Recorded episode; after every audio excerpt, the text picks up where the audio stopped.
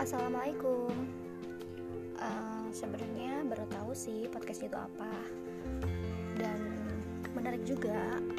Jadi saya penasaran dan memang saya juga suka melakukan sesuatu yang baru.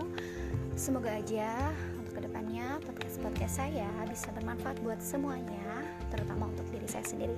Oke, okay, wassalamualaikum.